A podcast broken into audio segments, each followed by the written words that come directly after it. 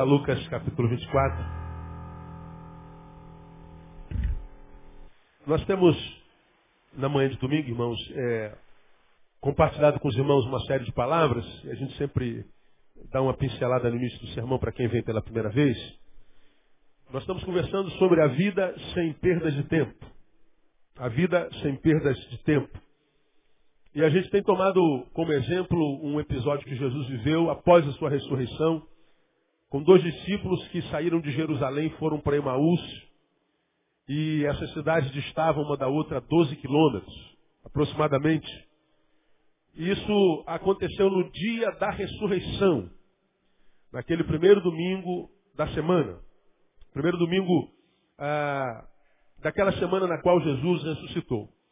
Os discípulos estavam em Jerusalém, de posse da promessa de que naquele dia Jesus ressuscitaria não tiveram paciência para esperar a ressurreição, acreditaram que a sua fé não adiantou nada, acreditaram num Jesus que prometeu ressuscitar e não ressuscitou, portanto é mentiroso. Eles acharam que esperar um pouco mais a, a promessa era perda de tempo. Então o que, é que eles fizeram? Deixaram Jerusalém e voltaram para casa, para Emaús. Doze quilômetros, voltaram para casa. Perdemos tempo. Nosso diagnóstico com relação à fé foi equivocado. Acreditar em Jesus foi um equívoco. Ele disse que ia ressuscitar, mas ninguém ressuscita, isso é conversa fiada. Voltaram e o texto diz que eles conversavam entre si de forma decepcionada. Porque eles acreditaram no Jesus que mentiu e que, porque eles acreditaram, acreditaram que haviam perdido tempo. Jesus ressuscita, cumpre a promessa e lhes aparece no meio do caminho de volta para Emaús. Jesus aparece a eles, está tudo lá em Lucas capítulo 24, a partir do versículo 13. Jesus entra no meio, como quem não quer nada, eles estão na estrada, andando a pé, Jesus aparece do nada e pergunta, o que papo é esse que vocês estão trocando aí? E eles, quase que mal educadamente, já começam dizendo, pô, você é o único peregrino que não sabe o que está rolando aqui na nossa cidade? Você não viu o rebuliço na cidade? Disseram que Jesus ia ressuscitar, a cidade está cheia, e foi maior furada, não restou coisa nenhuma, a gente está voltando de lá porque nós quebramos a cara. Você é o único peregrino que não sabe o que está acontecendo, o que está rolando. Aí ele, ele, ele começa a trocar ideia com eles, não diz nada. Quando chega os 12 quilômetros, eles dizem assim, nós moramos aqui e Jesus dá a ideia de quem vai continuar a viagem. Paz, Deus abençoe, paz do Senhor, vai com Deus, bom dia, boa tarde.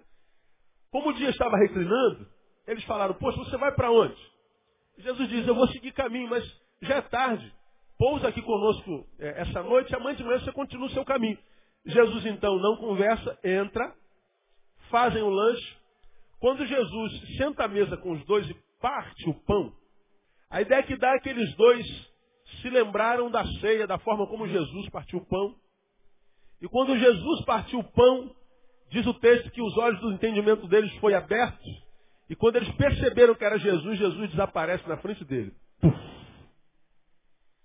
E aí um olha para o outro, caramba, como é que nós não percebemos que era Jesus? Você não percebeu que o nosso coração, enquanto ele falava, estava esquentando, estava abrasado? Então eles descobriram, caramba, Jesus ressuscitou. Voltaram para Emaús e falaram assim, como quem diz assim, caraca, nós saímos lá de Jerusalém, andamos 12 quilômetros, acreditando que não valeria a pena acreditar em Jesus, Perdemos tempo vindo até aqui e agora vamos ter que voltar tudo de novo. Eles voltaram imediatamente mais 12 quilômetros. Nós pegamos esse episódio e falamos, se os discípulos tivessem permanecido em Jerusalém, acreditando na promessa, eles não teriam desperdiçado tempo, porque desperdiçaram o tempo de andar 12 quilômetros para lá, 12 quilômetros para cá, 24 quilômetros a pé não teriam despendido forças, gastaram força à toa, andando 12 quilômetros para lá, 12 quilômetros para cá. Eles teriam poupado um bom tempo na vida deles. E aí nós fizemos uma, uma, um apanhado em torno de algumas verdades que nós compartilhamos no texto, que isso acontece na vida de muitos de nós. Nós somos uma geração composta de gente que perde muito tempo na vida que desperdiça tempo com coisas que não valem a pena, com idiotice mesmo, discutindo coisas que vão discutir o resto da vida e coisas que já se discutem há 200 anos. Deu, aliás, há milhares de anos. Desde que a vida é vida, tem pessoas discutindo assuntos que até hoje, a despeito de tanta discussão, não chegaram a um denominador comum. E a gente continua discutindo. A gente continua se aborrecendo com aborrecimentos que nos aborrecem, que a despeito de nos aborrecermos com ele com, tanta, com tantos anos, eles continuam nos aborrecendo não muda a coisa. A gente perde muito tempo na vida. E quando eu comecei essa série de sermões, nós lembramos que uma semana tem 168 horas e eu perguntei para vocês, quantas horas nessa semana você viveu de fato de verdade? Quantas dessas 168 horas você pode pegar e falar assim, essas horas acrescentaram a minha vida, me fizeram me tornar um ser humano melhor do que antes delas terem sido acrescentadas na nossa vida. Ao passo que eu também te perguntei quantas horas da vida de vocês vocês jogaram fora com besteira, com coisas que não valem a pena, gastaram tempo com gente que não acrescentou nada, gastaram tempo com, ah, com atividades que se não tivessem sido desenvolvidas, ah, nós não perderíamos nada. Nada. Nós falamos que nós passamos pela vida perdendo muito tempo na vida. O que, que acontece? Nós vamos envelhecendo e a gente só percebe que envelheceu depois que está velho. Né? Enquanto o, o relógio está correndo, a gente não percebe que velho está ficando. E aí a gente vê um bocado de gente, um bocado não, muita gente, que quando chega lá na, na meia idade, olha para trás, percebe que a juventude está dando tchau para ele e a velhice está de braços abertos. Seja bem-vindo. E ele então olha para si e fala assim, meu Deus, o que, é que eu fiz com a minha vida? Estou com 40, estou com 50, não construí nada. Estou com 30, estou com 25, estou chegando aos 40, casei três vezes e ainda não fui feliz.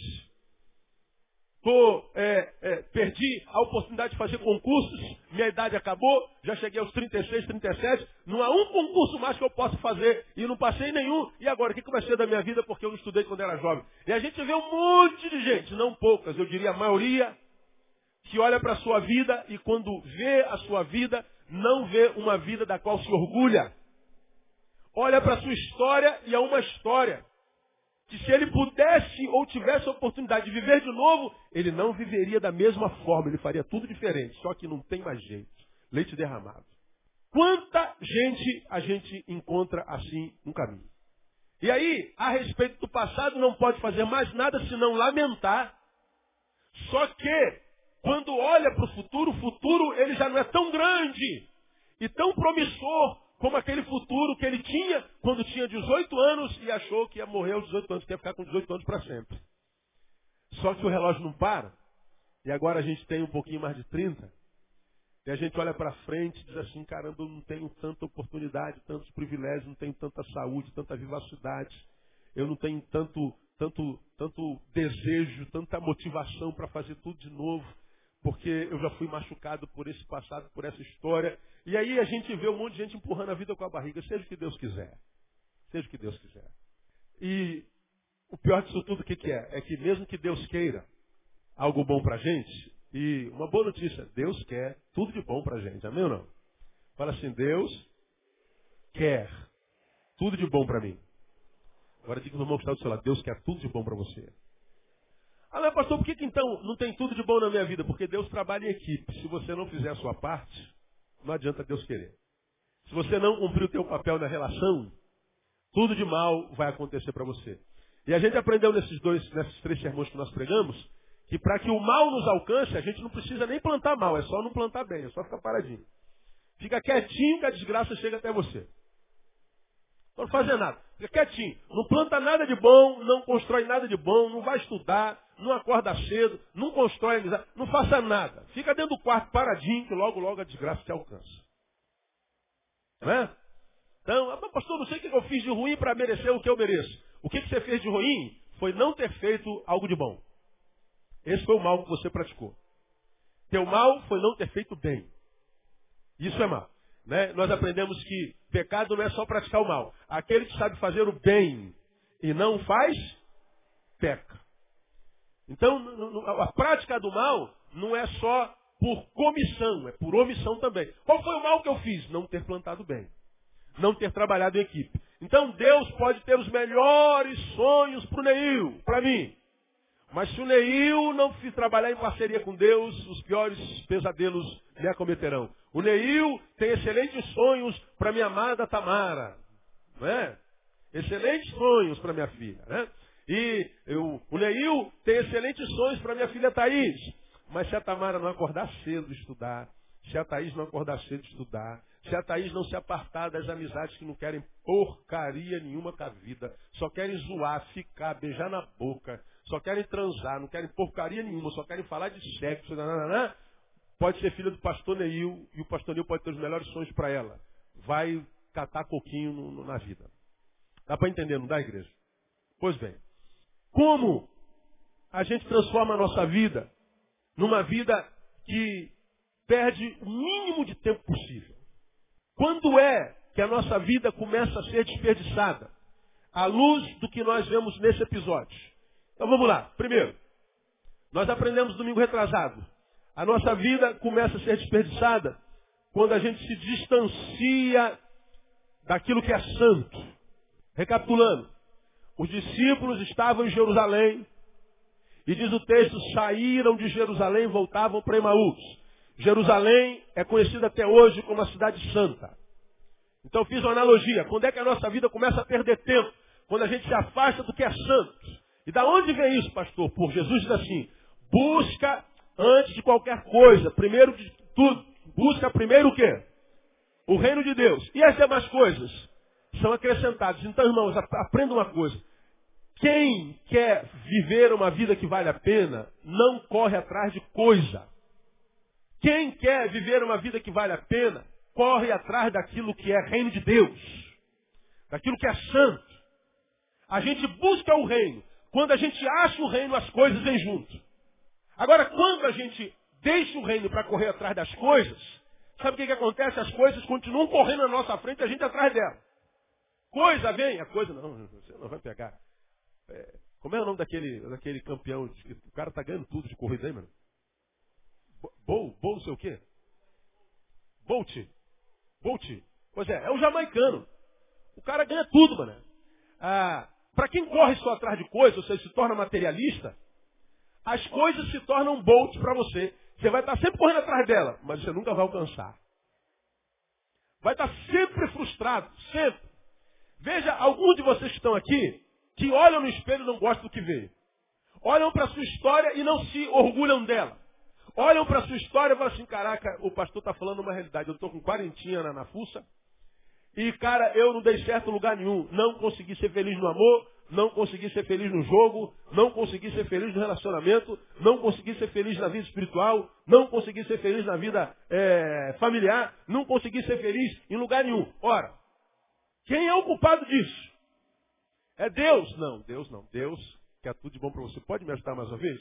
Diga, irmão, que está falando. Deus quer tudo de bom para você. Não esqueça isso. Eis que eu sei os planos que tenho para vós. Planos de bem e não de mal.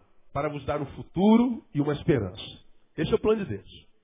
Então, se deu errado, Deus não é culpado. Agora, você que está aqui, não cursa a tua história.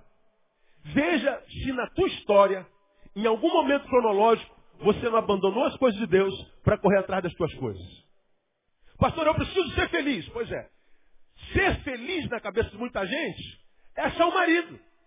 É achar uma esposa. Agora responda para mim. Conhece alguém que tem marido ou esposa e é profundamente infeliz? Quem conhece aí? Então, necessariamente, marido e mulher não dá felicidade para gente. Eu conheço muita gente que tem marido e mulher, é muito feliz. Mas você pode ter certeza que a felicidade de um e do outro não está só no outro. Tem mais alguma coisa por aí. Vamos supor que o outro seja a carne, o alimento. Mas a carne sem tempero é uma carne que não dá sabor. O que faz a carne valer a pena é o tempero que a gente coloca na carne. É o sal. É o, sei lá, o que você coloca na sua carne, na sua comida. Não é só o marido.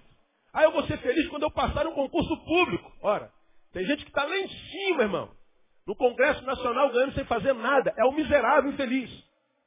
E a gente, muitas vezes, nos imita. A gente acha que a nossa felicidade será uma realidade quando a gente chegar lá. Chegar lá onde? A, a, no cumprimento do nosso sonho. Eu quero ter um carro, quero ter uma casa, eu quero ter um marido, quero ter uma mulher. Aí você chega lá, tem um carro, casa, marido e mulher, e descobre que lá ainda não é feliz. Por quê? Porque não são as coisas que trazem felicidade no nosso coração. É Jesus quem diz, busca primeiro o reino de Deus. Então, a, a, prioridade na vida de quem não quer perder tempo na vida está na vida espiritual. Porque vida espiritual é o que nós somos. Eu ouvi uma frase maravilhosa segunda-feira lá no Ministério Apacentar, meu amigo Paulo Júnior. Eu o convidei para estar aqui na segunda-feira lá no, no, no comércio. E ele disse uma coisa fabulosa.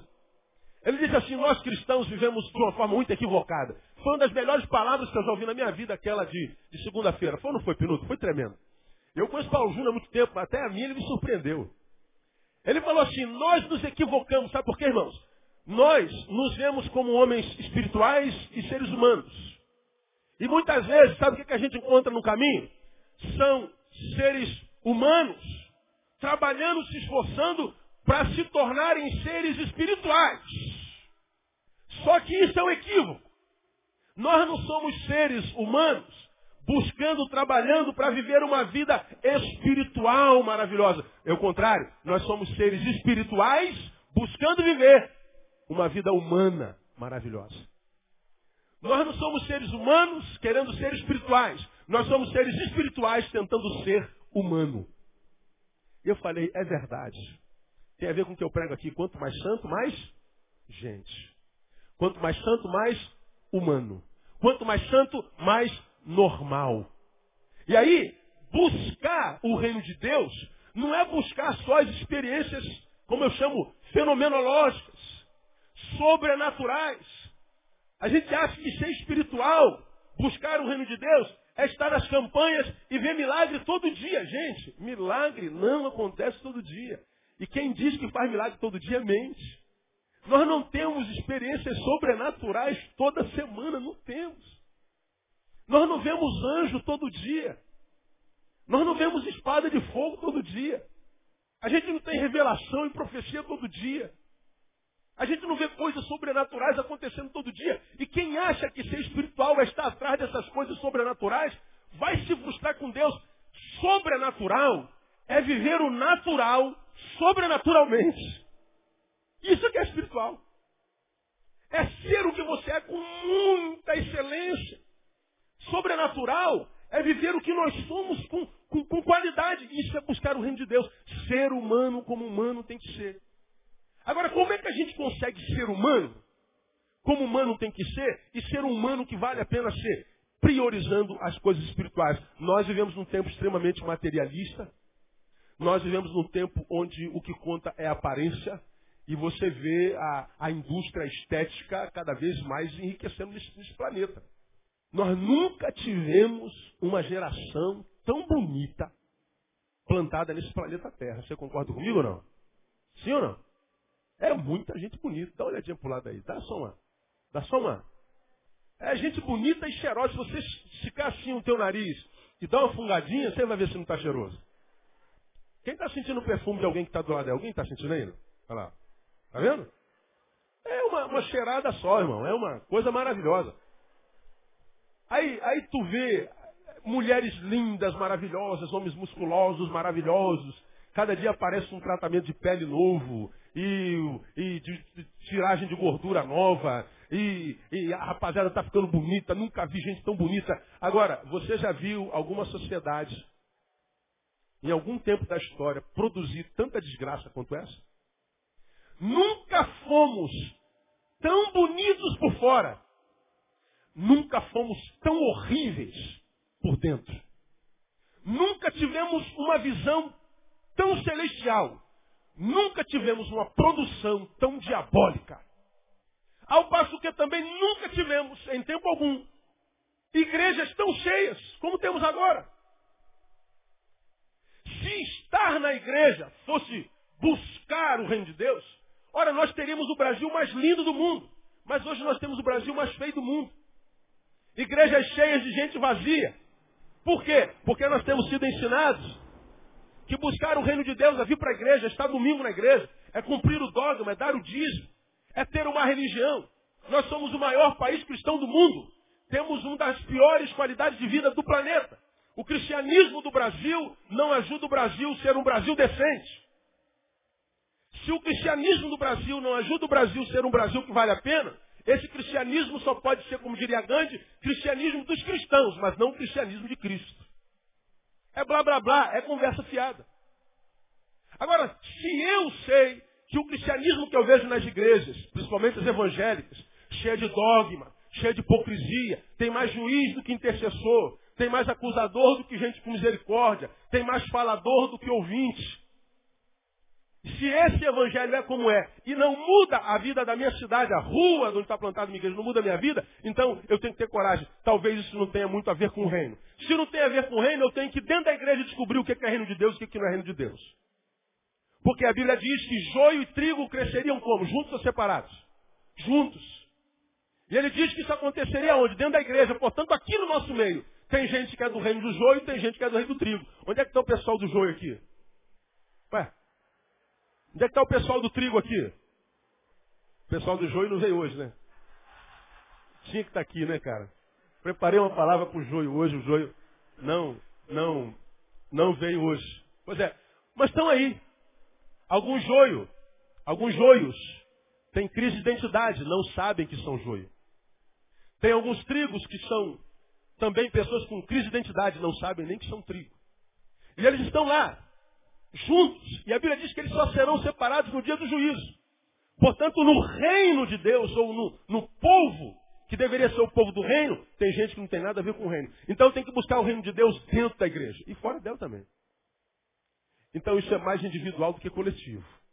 Por isso que eu tenho querido ministrar essa palavra para você, para que você não seja só mais um número no meio da multidão, para que você não seja só mais uma massa de manobra, para que você não seja mais um bolso de onde se tira dinheiro para comprar produto gospel, para que você não seja só mais um que está dando ibope para quem quer que seja, para que você viva a tua vida, porque a tua vida é tudo que você tem para viver e pode viver, e viva a sua vida com excelência. E como é que a gente vive a nossa vida com excelência? Priorizando o que é santo. Não permitindo que o que acontece lado de fora me adoeça do lado de dentro. Não abrindo mão daquilo que é de Deus de maneira nenhuma. Mil vão cair do meu lado, dez mil à minha direita, mas eu vou estar segurando na mão de Deus. Não abro mão disso. E por que, que a gente faz isso? Por que, que a gente abre mão das coisas de Deus? Porque a gente deixa de ouvir a mensagem para olhar para os mensageiros, como já preguei aqui. A gente vê tanto mau testemunho, a gente vê tanta podridão dentro da igreja, a gente vê tanta coisa que não deveria haver dentro da igreja, que a gente fala assim, eu não quero saber daquele lugar. Pois é, a gente olha para o que há de podre, a gente está olhando para o que é joio. Mas tem muita coisa boa lá também. E eu acho, na minha visão, na minha visão, quando eu vejo muita coisa ruim na igreja, e eu vejo muita coisa ruim na igreja, e não abro mão de, de proclamar isso, vocês me vêm proclamando. Agora, eu tenho autoridade para falar da igreja porque eu sou igreja. Diferente de muitos que hoje criticam a igreja, saíram da igreja, estão do lado de fora da igreja e só jogam pedra na igreja.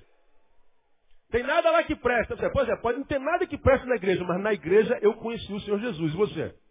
Na igreja eu construí minhas melhores amizades. Na igreja eu amadureci enquanto ser humano.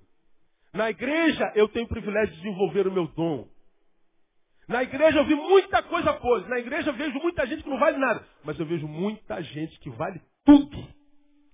De modo que eu não posso abrir mão do que vale muito por causa dos que valem nada. Eu não posso abrir mão da mensagem que transforma a minha vida por causa de alguns mensageiros que não vivem o que pregam. Se há o que não presta na igreja, ou quem não presta na igreja, quem tem que sair é quem não presta, não eu. Não é você que tem que sair. Agora o diabo planta ou adoece os nossos olhos e os nossos olhos estão sempre naquilo que não presta. A gente olha para um corpo lindo e vê a verruga que tem lá na, na ponta do nariz. A gente olha para uma roseira florida e a gente olha para o espinho que tem nela. E a gente se afasta assim, não, eu estou fora de lá porque lá não tem amor, lá não tem o quê, lá é falsidade, lá não sei o quê. Pois é, você fez parte dessa comunidade há muito tempo. Lá você conheceu Jesus. Então, amado, uma, uma coisa que eu quero deixar para vocês nessa manhã. Nós estamos entrando num tempo em que, para mim, são, são os finais do tempo. E quando a gente lê 2 Timóteo capítulo 3, diz que os últimos tempos seriam penosos. Já pregamos sobre isso aqui. Os homens seriam amantes de si mesmos, detratores, obedientes a seus pais, caluniadores, corruptos, maledicentes, mais amigos dos eleitos do que amigos de Deus. É a biografia do homem do tempo do fim. É assim que vai ser. E nós já estamos vendo isso acontecer. Se a Bíblia diz que nós seríamos assim no final, eu tenho que acreditar que essa palavra sabe o que diz, porque é a palavra de Deus. E se os homens serão assim, eu não posso olhar para os homens. Eu tenho que olhar para a palavra. Eu tenho visto muita gente se afastar da igreja, se afastar da comunhão, se afastar da palavra, se afastar do seu dom, se afastar do privilégio de servir, se afastar de um monte de coisa, por causa de um monte de coisa que acontece onde não deveria acontecer. E quem colhe o ônus negativo dessa separação somos nós mesmos. Vamos perder tempo. Tenho visto um monte de jovens se afastando da igreja, irmão. E tem sempre uma razão para se afastar. Bom, eu não tenho nada a ver com isso. Cada um dará conta de si mesmo a Deus, não é verdade? Agora, sabe o que é triste? É a gente ver que tanta gente está construindo um caminho longe de Deus, como eu falo todo domingo.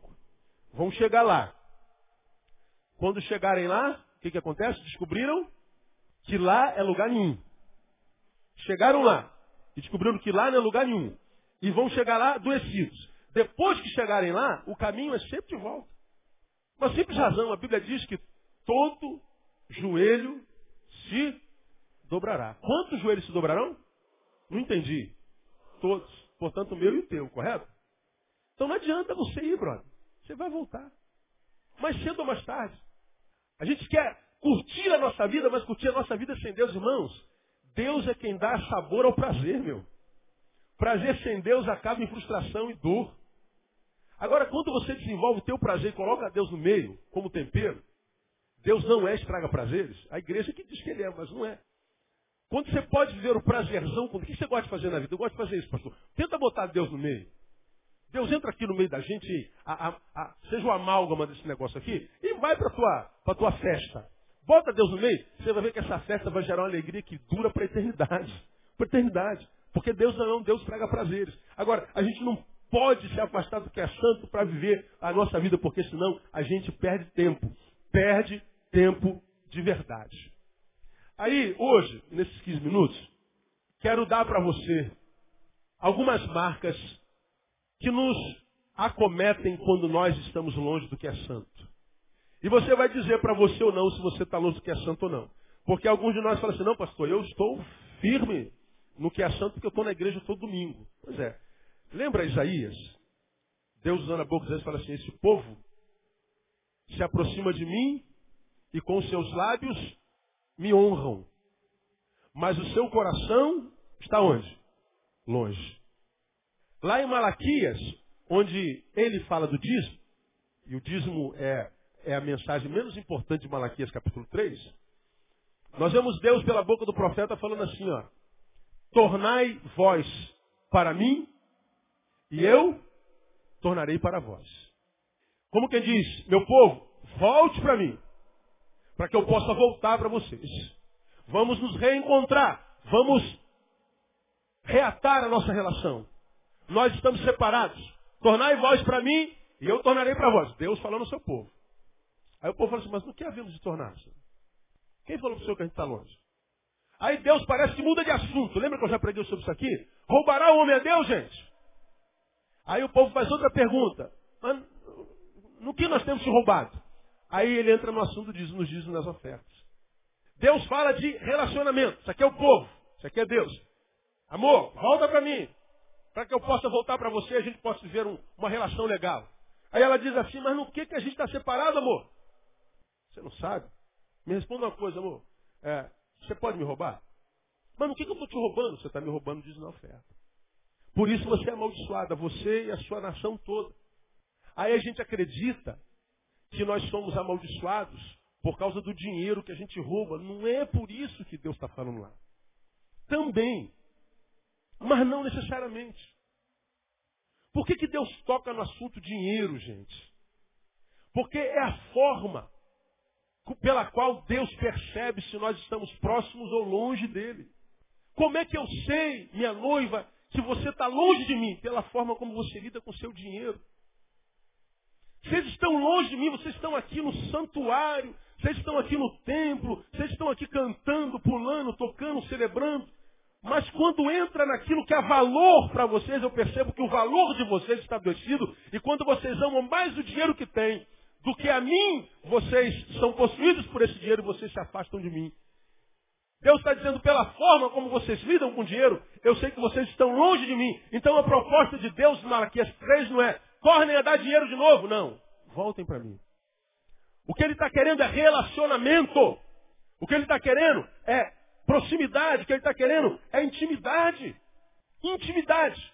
Ele não quer ser o nosso patrão, ele quer ser o nosso marido. Ele quer ser o nosso amigo. Agora, ele reclama dessa separação e ele diz: há algumas maneiras de perceber na vida se nós estamos próximos deles ou não.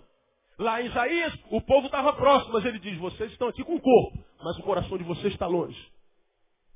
Em Malaquias, ele, ele diz para o povo: vocês estão aqui com o corpo, mas a forma como vocês lidam com as coisas mostra para mim que vocês estão longe de mim.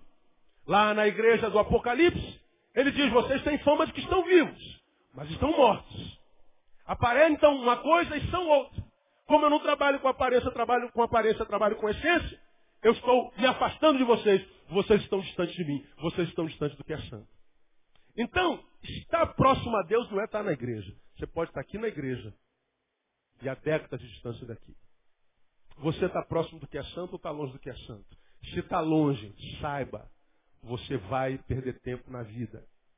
Cada dia que você vive, será um dia que você lamentará amanhã.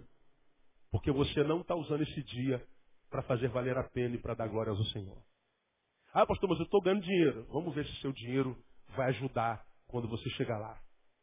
Ah, pastor, estou fazendo muitos amigos. Esses amigos se aproximam de Deus ou te afastam. Você vai ver se no tempo da solidão, os seus amigos que você construiu longe daquilo que é santo, vão estar lá. Você vai ver se a sua empresa rica vai traduzir-se em alegria no teu coração quando você chegar lá. Você vai ver. Aguarde. É, é paga para ver, você vai ver. Você não vai perder tempo. Aguarde. Veja se o que você faz hoje te afasta do que é santo ou te aproxima do que é santo. Você vai saber onde é que você vai estar, com dinheiro no bolso, sem dinheiro no bolso, com gente do lado ou sem gente do lado. Olha para você como é que você era alguns tempos atrás na correlação com Deus, não com a igreja. E vê como é que você está agora. Melhorou ou piorou? Piorou, pastor. Por quê? Por causa do trabalho. Trabalha demais, não é? Está ocupado demais para ganhar dinheiro, não é? Começou um relacionamento que virou o amor da tua vida, na verdade virou Deus, não é? Será que começou a estudar? Subiu a cabeça, acho que sabe mais do que a palavra, não é? Pois é. Faça uma análise e você então vai perceber que dá para a gente discernir se a gente vai perder tempo na vida ou não. Amados, nós só temos uma vida para viver. Não desperdice tempo com coisas que não vão acrescentar a sua vida. Quais são as marcas das pessoas que estão distantes de Deus. Primeiro, incapacidade de discernir a presença de Jesus em meio às crises. Aqui a gente vai acabar. Quando é que eu sei que eu estou longe daquilo que é santo, estou longe do reino? Quando as minhas dores chegam e eu não consigo discernir a presença de Deus nelas. Eu, como que é, perdi a sensibilidade espiritual. Tem isso no texto, pastor? Tem. Desde o versículo 16. Nós estamos em 24 de Lucas, né? No versículo 16, diz o texto. Vamos ler o 15. Enquanto assim comentavam, discutiam, o próprio Jesus se aproximou e ia com eles. Mas os olhos deles, leiam para mim, por favor, igreja. estavam como que? Fechados. De sorte que não reconheceram. Veja, olha para mim. Eles estavam conversando. Olha, olha a linguagem do texto. O próprio Jesus. Não foi uma, uma teofania, não foi uma aparição angelical, não. O próprio Jesus é ressuscitado em corpo. Entra no meio do papo. Mas diz o texto que a presença de Jesus lá e nada foi a mesma coisa. Por quê? Porque os seus olhos estavam o quê? Fechados? Os olhos deles estavam fechados, é o que está escrito aí. Leia mais uma vez. 16. Vamos ler juntos 16. Vamos lá, ler comigo. Mas os olhos deles aí, estavam o quê? Como que fechados. Os olhos deles estavam fechados? Sim ou não? Não. Estavam como que? Bom, se eu fechar os meus olhos, o que, que acontece? Eu não vejo. Feche os olhos. Eu só vejo negritude. Vejo nada. Tá. Com os olhos fechados eu não vejo nada. E com os olhos abertos, mas como que fechado? O que, que eu vejo? Ele fechado, o que, que a gente vê? Nada. E um olho como que fechado? Nada. Ainda que esteja aberto. O que muda nos olhos são a postura. Mas o fruto dos olhos são os mesmos. O olho fechado não vê nada, o olho como que fechado não vê nada, ainda que esteja aberto. O que isso aqui quer dizer para mim? Quando a gente está longe do que é santo, a gente perde a visão, cara. Você pode mostrar aí, isso é vermelho, o cara vai ver azul.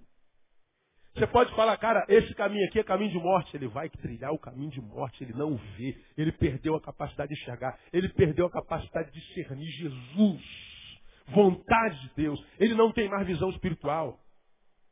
Essa pessoa, quando está longe do que é santo, ele perde a sensibilidade espiritual. O camarada, ele pode ser um neurocirurgião. Ele pode ser um, um doutor em física quântica nuclear. Ele olha para o universo, ele pode ser um astrônomo que ele consegue discernir Marte, Júpiter, Lua de não sei de quê. Ele consegue ver um, um, um palito, um, uma agulha no palheiro, ele sabe tudo. Mas quando a gente entra no campo espiritual, o cara não consegue discernir alhos de bugalhos. Quanta gente que a gente encontra sem visão, o cara não percebe como o diabo está agindo na vida dele, como Deus está agindo na vida dele. A gente confunde as coisas. E para mostrar isso para você, eu quero, quero voltar a relembrar uma palavra que nós pregamos alguns anos atrás, que vem de Daniel, capítulo 1. Abre lá. Só para lembrar você o que nós queremos exemplificar para você.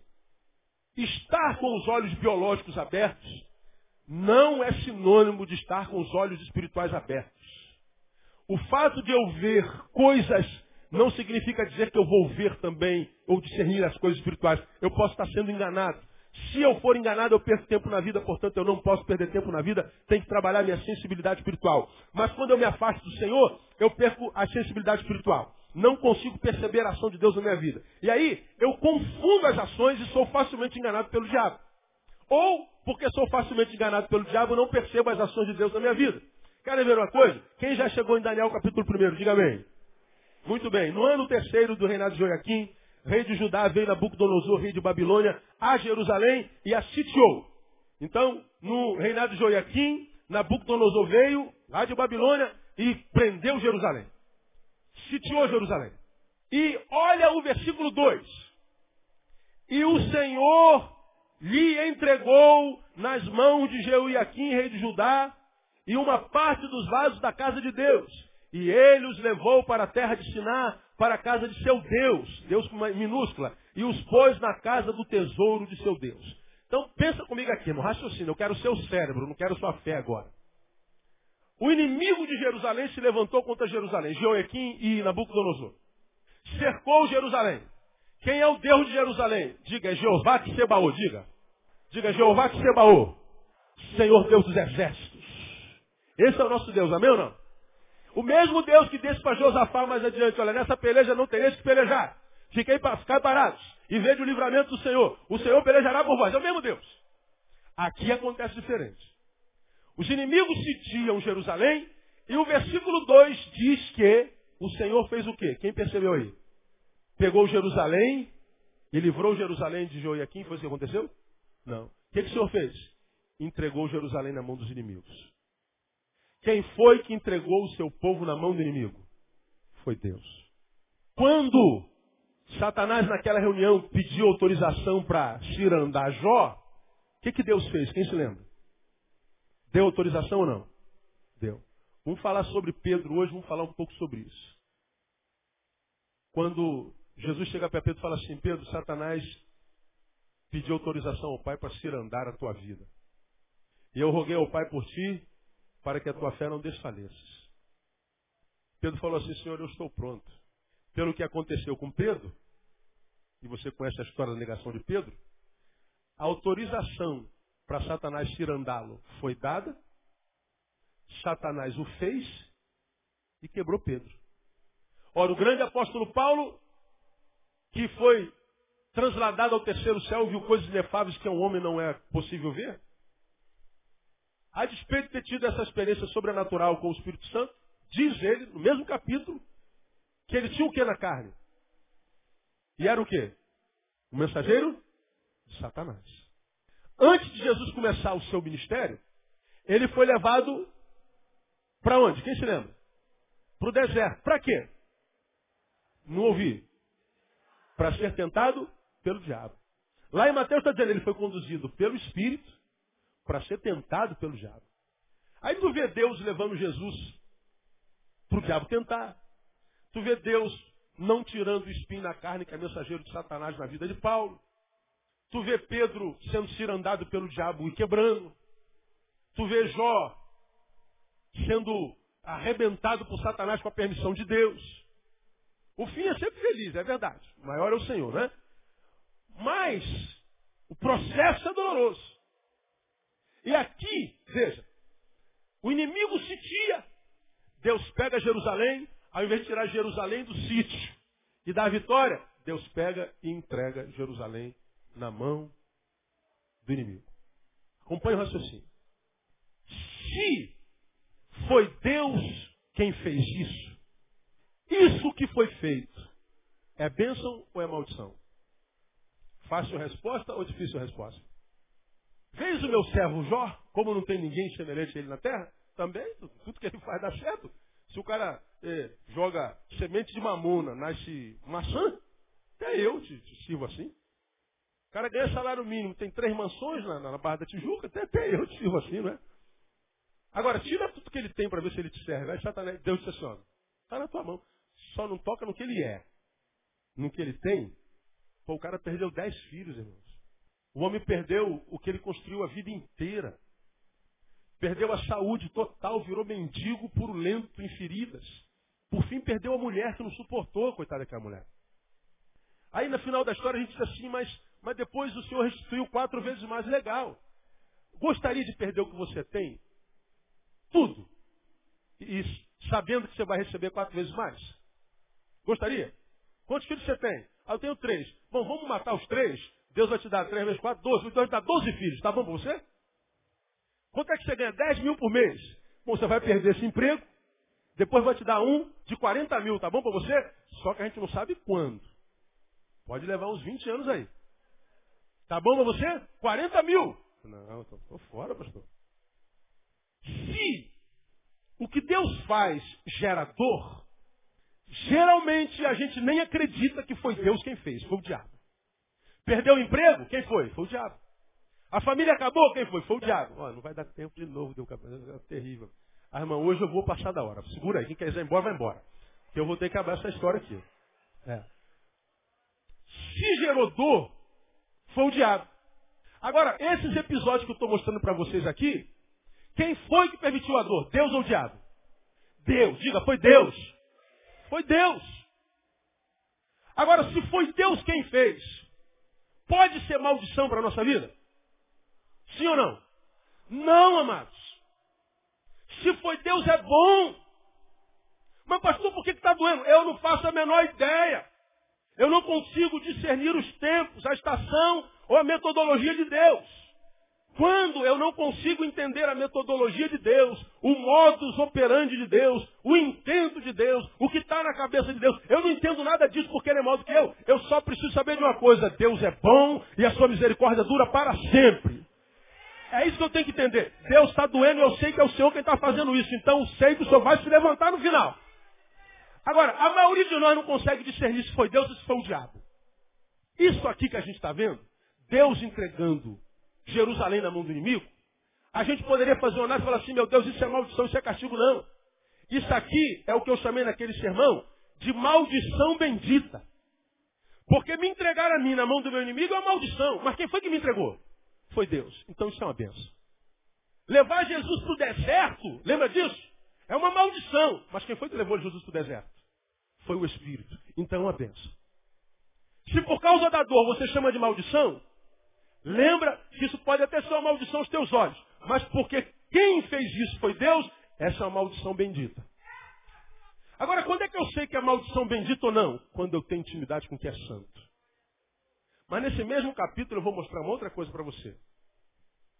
Daniel estava no bojo, foi preso. Aí o rei diz assim lá no versículo 3. O rei Aspenaz, chefe dos eunucos, trouxe alguns dos filhos de Israel, dentre a linhagem real e dos nobres, jovens em quem não houvesse defeito algum, de bela aparência, dotados de sabedoria, inteligência e instrução, e que tivessem capacidade para assistirem no palácio do rei, e que lhes ensinasse as letras e a língua dos caldeus. E o rei lhes determinou a porção diária das iguarias do rei e do vinho que ele mesmo bebia, e que assim fossem alimentados por três anos, para que no fim destes pudessem estar diante do rei. Então olha a proposta. Eles já foram presos. Maldição bendita. Aí lá na cadeia, lá na prisão, o rei fala assim, eu quero alguns jovens que venham servir no, no, no palácio. Gente bonita, inteligente, branca e gente é, é, bacana. Aí o, o, o, camarada do rei vai lá no meio do povo, aí começa, começa a, a olhar para cada um, olhava, tal, deixa eu ver, deixa eu ver o cabelo, não, deixa eu ver, abre a boca, deixa eu ver, não, esse dente tá podre, cheio de ferro, e você, não, você está acima do peso, você está abaixo do peso, não, você está muito escuro, aí você não usou, né? Tá. Aí o cara foi assim, olhando, olhando, olhando, você vai, você vai, você vai, você vai. Qual é a proposta, gente? A proposta é boa. O rei, vocês são escravos, sabem disso, né? O rei disse que dez de vocês vão servir lá no palácio, vão tomar o vinho que o rei bebe, vão comer a comida que o rei come, vão vestir da mesma roupa que o rei veste, vocês vão comer do bom e do melhor. Se fosse hoje na teologia da prosperidade, ô glória! No lugar da vergonha, dupla honra. Pois é, você ia sair do meio dos escravos e ia comer do bom e do melhor. Mas quem é que está te dando o bom e o melhor? Foi Deus ou foi o opressor? Foi o opressor. Essa é a bênção maldita. Quem foi que entregou Israel na mão do inimigo? Deus. Maldição bendita. Quem foi que está dando o bom e o melhor para os meninos? O opressor. Bênção maldita. Saber isso é importante no dia de hoje? Porque eu aprendo que nem todo mal vem do diabo, nem todo bem vem de Deus. Quando nós não somos espirituais, nós só nos prendemos no bem e no mal. Maniqueístas. A gente só se prende no bom e no ruim. A gente só se prende no fruto, não se preocupa com a árvore. Pastor, uma porta abriu, então foi Deus que abriu. Não, filho. Mas olha a bênção que você é, pastor. Sabe a origem disso? Entrando nessa porta, você sabe onde é que você vai estar daqui a um ano? Eu não quero nem saber, pastor. Vou pela fé. Pois é. A fé que exclui bom senso não é fé. É burrice. Tenho me encontrado com uma geração de gente que acha que está se dando bem na vida. Conseguiu passar naquele emprego e o emprego te afastou de Deus. Conseguiu construir a tua empresa, a tua empresa te afastou de Deus. Estava doido para casar, arrumou um namorado, teu namorado te afastou de Deus, teu namorado te afastou de Deus. Estava doido para fazer faculdade, a faculdade roubou a tua fé. Você sonhava com uma coisa e o sonho foi cumprido. E você diz, foi de Deus, mas isso te aproximou de Deus, te afastou de Deus, me afastou. Você está perdendo tempo na vida. Está perdendo tempo na vida. Portanto, trate de curtir bem essa coisa, que essa coisa não vai ficar com você a vida inteira. Você vai chegar no lugar e depois vai ter que passar por esse lugar de novo, porque você vai perder tempo, porque a vida não é vida se a gente saca Deus dessa vida. A vida deixa de ser vida, é transformada em existência se a gente tira as coisas espirituais desse lugar. Amados, nós precisamos saber discernir as fontes das bênçãos e daquilo que a gente chama de maldição. Quantas vezes Deus nos paralisa, Deus tira de nós alguma coisa que é preciosa para nós e a gente diz, Deus é mal. Não, filho. Eu estou vendo que você está andando numa velocidade muito grande. Nessa velocidade você não pode refletir, você não está conseguindo discernir, você está correndo demais. Se você continuar nessa velocidade, porque eu conheço o passado, o presente e o futuro, eu sei que você vai bater de cara nessa parede. Para você não bater de cara nessa parede, eu vou paralisar você aqui, filho. Eu sinto muito. Deus parou você para poupar você de uma dor maior e paralisado aqui, você acha que Deus não ama você, você murmura e você maldiz a palavra de Deus. Ao passo que, quem sabe, você está numa velocidade tremenda, tem alguém, cara, dá você fazer um pouquinho mais. Corre lá, vai lá, vai fundo. E você diz, pô, cara, tem um incentivador aqui do meu lado, tem um incentivador me dizendo, esse cara é brother, esse cara é de Deus. E você vai. Só que a parede continua lá. E você bate com a cara na parede e não percebe que o incentivador era o teu pior inimigo. Então, eu não posso me prender só no fruto. Eu tenho que me prender no modus operandi, eu tenho que me prender no processo. Porque não basta dar certo, tem que ser certo. Porque se dá certo de um modo errado, O que deu certo vai ser perda de tempo na minha vida. A pior vitória que a gente pode ter é aquela vitória que a gente não merece. Não trabalhamos para ela, não treinamos para ela, não plantamos aquela vitória e ela veio. Agora, se a derrota é o que você merece, ela veio, essa derrota se transforma numa universidade existencial. E você vai sair formado de lá, pronto para uma vitória no nome de Jesus. Agora, quem é que está preparado para discernir isso, irmão? Quem pensa, quem usa cérebro. Quem não abre mão de ser só um frequentador de igreja, esquentador de banco. Quem não está preocupado só em usar terno e gravata, usar coque. Quem quer ser mais do que um religioso tolo, burro, idiota, muitas vezes. Que acha que o que Deus quer de nós é que a gente fica aqui discutindo quem fala em língua, quem não fala. Quem tem visão, quem não tem visão. Que a gente fique falando em nome de Deus para a vida de alguém, adivinhando as coisas da vida dos outros. Cara, o que Deus quer de nós é que nós vivamos a nossa vida com excelência. De tal forma que os que não conseguem viver, olhem para a gente e falem assim, cara, eu queria viver uma vida igual desse homem aí, meu. Qual o mistério da vida dele? É graça de Deus no lombo. É isso que é, é, é mistério de Deus lá. Agora, o que as pessoas admiram em nós, não é só a riqueza que a gente tem, não, irmão. A gente tem gente rica lá no Senado, lá, que a gente tem nojo deles. Vergonha. A gente tem gente no Congresso que a gente tem asco, nojo. Agora, se tu subir aqui no morro, você vai ver gente pobre, mas que a casa está arrumadinha, está tudo em ordem. E você entra na casa daquela pobre mulher, tem um sorriso de lá, de orelha a orelha, e fala assim, seja bem-vindo, meu irmão. A casa é humilde, mas ela é cheia da graça de Deus. E você percebe a graça de Deus lá. Amém ou não, igreja? Graça de Deus. Não tem grana nenhuma. Aí você fica pensando, como é que essa pessoa pode ser feliz? Cara, ela ganha o, o dízimo do que eu ganho. Ela não come um, um, um, décimo do que eu como, porque a gente não quer só comida, a gente não quer só bebida. Né? A gente quer mais do que isso. A gente quer a paz de Deus que excede todo entendimento. E essa palavra de Deus para o nosso coração não é utopia, irmão. Nós, pelo Espírito Santo, estamos capacitados para remar contra a maré de desgraça que a gente vê nesse planeta. Agora, a gente tem que gastar tempo com o que é santo. A gente tem que gastar tempo com a palavra. A gente tem que gastar tempo com gente que está cheia de Deus. A gente tem que se apartar de gente que não quer nada com Deus. Vocês adolescentes, tem um monte de gente que não quer nada com Deus. Vocês jovens, gente que não quer nada com Deus. Uma adolescente da nossa igreja falou, está tá lendo a Bíblia direto. Uma menininha que eu conheço. Está se apaixonando pela palavra, está se descobrindo a palavra. De tal forma se descobrindo nas áreas humanas e espirituais que nas áreas das matemáticas deu uma caída. Né? Ah, é, quem é de humanas sabe o que eu estou falando aí, né? A gente quando está muito envolvido para humanas, e a gente tem que estudar lá equação de segundo grau. Para que, eu estudo isso? Vou usar isso aonde? Em qual lugar do planeta? Em qual período histórico que eu vou usar? Vou usar lugar. A gente se sente quase que ofendido de estudar matemática, mas a matemática é importante, né? Você pelo menos saber que o troco que estão te dando é menor, mano. Então tem que, tem que saber. Matemática está em tudo que era da vida. Então, essa, essa garotinha está crescendo. Está assim, arrebentando. O, a gente está feliz com o que Deus tem feito na vida da menina. Aí, alguns dias atrás, um, um coleguinha falou assim, você está muito santinha. Muito santinha. Agora tudo é Bíblia para você. Tudo é Deus. Agora tudo é, é, é, evangelho, tudo é igreja. Aí o que, que a menina faz? A menina ganha um balde d'água. Aí a menina falou assim pro pai, poxa pai, eu, eu fui falando, o pessoal me zoou porque eu estou é, com esse negócio de Bíblia. Aí o pai dela, que não é bobo, né? Falou assim para ela, eu soube dessa história depois. O, o, o pai dela falou assim, e o que, que você aprende disso? Que alguns amigos não são tão amigos assim. Nem sempre a gente sabe com quem construir uma amizade. Mas a gente sempre sabe com quem não se construir uma amizade. Nem sempre eu sei com quem me relacionar, porque é fácil achar gente, é difícil, difícil achar gente hoje. Mas eu sempre sei com quem não me relacionar. Ah, isso a gente sabe.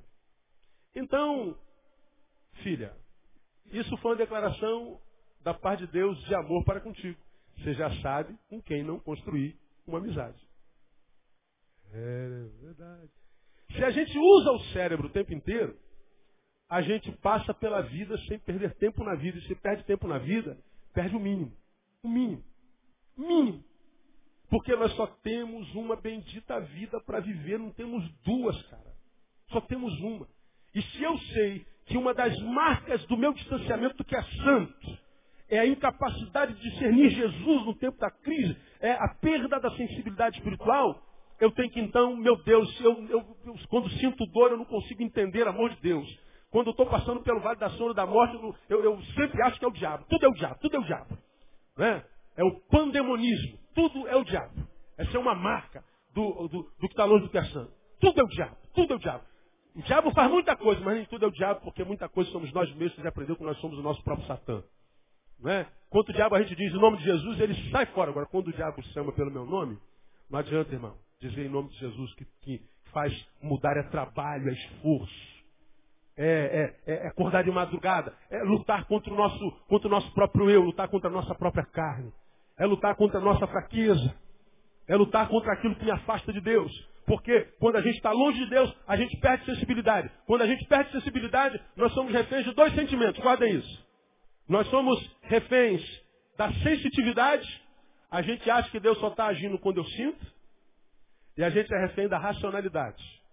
A gente acha que Deus só está agindo quando eu posso explicar racionalmente o que, que Deus está fazendo. Tolo. Tolo. Se eu pudesse explicar tudo que Deus faz, eu abandonaria esse Deus logo, sair daqui direto para a praia. E não voltaria no culto das 18, e nunca mais voltaria. Porque se o Deus que eu sirvo é do tamanho do meu raciocínio, e eu posso explicá-lo, esse Deus não é Deus. Deus sou eu. Se o Deus que eu sirvo só pode ser manifestado pelas minhas sensitividades, pelas minhas percepções humanas, esse Deus não é Deus, esse Deus é humano. Porque, meu irmão, eu amo minhas filhas, amo minha mulher, amo tudo que eu tenho. Mas tem vezes que eu estou com a minha mulher e estou com vontade de pegar no pescoço dela. E ela também. Amo minhas filhas, mas tem vezes, irmão, dá vontade de pegar uma varinha de, de goiaba daquela que não quebra. Eu já vejo a imagem toda lanhada, aquela perna, meu Deus, perna gostosa, ah, que vontade que dá. Eu amo. Já teve vontade de fazer isso uma vez? Já. Eu amo. Eu as amo e não estou morrendo de amor dentro deles. Não sinto amor o tempo inteiro. O amor, o sentimento não está em mim a vida inteira. Eu amo as visto que dá vontade de. Agora, se eu sinto isso pelo que eu vejo, como é que eu vou sentir amor por Deus que eu não vejo o tempo inteiro? Estou apaixonado, estou no fogo, ou estou apaixonado, estou no fogo, estou. Tô... Conversa fiada, irmão. Tem dia que o nosso relacionamento com Deus é gelado. Eu olho a Bíblia e falo assim, ah, hoje não. Chega de Bíblia, eu vou ler. Me dá uma Playboy aí, pelo amor de Deus. Você não vai na Playboy, mas dá uma passadinha assim na banca, né? Só para saber quem está lá. Aí você fala assim, só acontece comigo. Você tem vontade de ler a Bíblia toda vez? Tem vontade de orar toda hora? Tem vontade de fazer uma visita no hospital todo dia? Acorda todo domingo de manhã, quando o despertador toca, tu já pula. Ô oh, glória, chegou domingo. Nada, irmão. Você, escova o dente com a cama nas costas, se arruma com a cama nas costas, vem na rua com a cama nas costas senta aí com a cama nas costas. E às vezes cultua com a cama nas costas, vai embora com a cama nas costas. Aí você fala assim, não senti nada, porque você não sentiu nada, Deus não está aqui. Porque você está lá no vale da sombra da morte não sentiu nada, Deus não está lá. Porque você foi desempregado porque o, o marido está doente, Deus não está lá. Porque a gente está passando pelo, pela, pela fornalha sete vezes mais aquecida, Deus não está lá. Irmão, o que torna a presença de Deus uma realidade na nossa vida não é o que eu sinto, é o que Ele diz. E Ele disse, eu estou convosco todos os dias, até a consumação dos séculos. Então eu não posso desenvolver com Deus uma relação sensitiva. Tem dia que eu, pastor Neil, não sinto nada. Tem dia que eu não tenho vontade de nada. Mas a despeito de não ter vontade de nada, eu estou lá. A despeito de não sentir nada, eu sei que também Ele está lá. Então, Deus, eu não vou me relacionar contigo pela sensitividade. Mas também não vou me relacionar com Deus, estou terminando.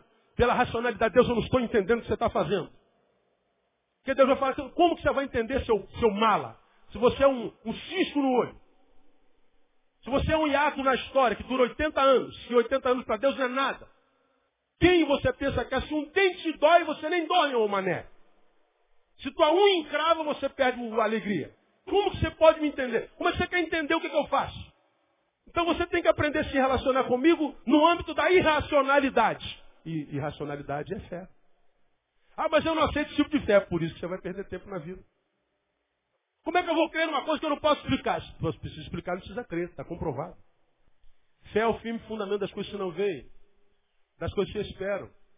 É crer no incrível. É ver o invisível. É escutar o inescutável. A fé vai contra toda a lógica. Agora, vem a palavra de sem fé, gente. Impossível. Quem pode entender isso? Eu não entendo, mas eu decidi crer. Porque eu decidi crer, me entrego à fé, essa fé, que com ela, portanto, é possível agradar a Deus, me faz agradar a Deus. Quando Deus se agrada de mim, Ele abençoa a minha vida. Não por causa do que eu faço, mas por causa daquilo que eu sou, quando creio. Então, meu irmão, eu terminei minha palavra, são de 17, me perdoe o horário, mas acho que você ganhou nesses 17 minutos. Não perca tempo na sua vida.